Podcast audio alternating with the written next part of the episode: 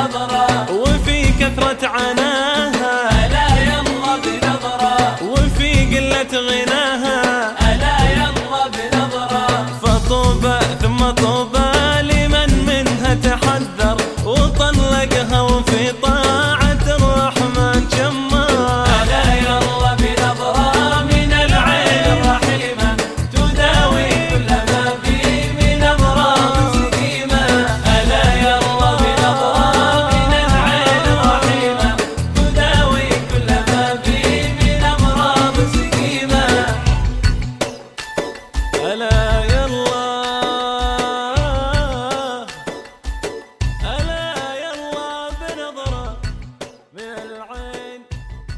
العين